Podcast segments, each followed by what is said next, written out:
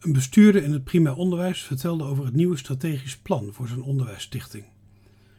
Op enig moment in het totstandkomingsproces hadden ze er leerlingen bij gehaald. Kinderen van verschillende scholen uit de groepen 7 en 8 om, professioneel begeleid, mee te denken over de strategie. Hij vertelde enthousiast dat ze met twee onderwerpen kwamen die tot dan toe niet op tafel lagen. De meest prangende, iets wat vrijwel alle leerlingen vonden: het pesten moet stoppen. Tot dan toe stond dat bij de beleidsbepalers niet echt op het netvlies. En dat is niet gek, want het is best moeilijk om als bestuurder, maar ook als raad van toezicht of als al dan niet gemeenschappelijke medezeggenschapsraad, een goed beeld te krijgen van wat zich er nu echt op de werkvloer afspeelt. Natuurlijk, je legt werkbezoeken af, maar wat zie en wat hoor je dan werkelijk? Dus je baseert je grotendeels noodgedwongen op data, cijfers uit onderzoeken die de werkelijkheid representeren.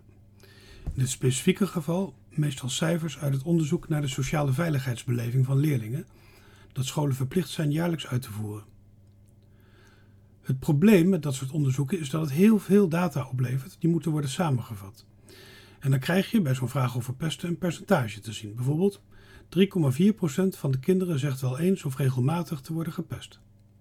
En dan moet je dat percentage gaan wegen. Is het veel? Te veel? Of juist weinig? Daarom staat er vaak een kolom naast de kolom met je eigen getallen.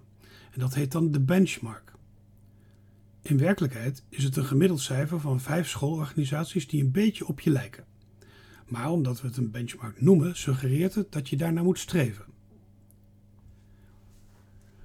Dus worden de vakjes met je eigen score, waarin je het beter doet dan de benchmark, vaak groen gemaakt. En de vakjes waar je het slechter doet, rood. Dat leest lekker weg voor al die mensen die toch al zoveel moeten lezen.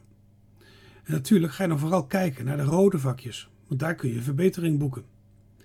En als het gemiddelde van die vijf scholen toevallig 4,1 is, dan is jouw pestvakje met 3,4% mooi groen.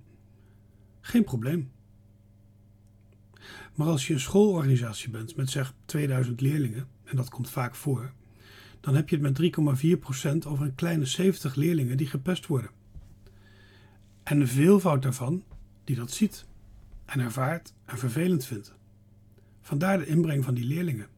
Het pesten moet stoppen, ondanks dat mooie groene vakje. Besturen, medezeggenschap en inspectie kunnen niet zonder onderzoek en data. Maar het is belangrijk dat we ons altijd blijven realiseren dat die niet de werkelijkheid zijn. Ze representeren die slechts en in veel gevallen niet eens zo heel erg goed.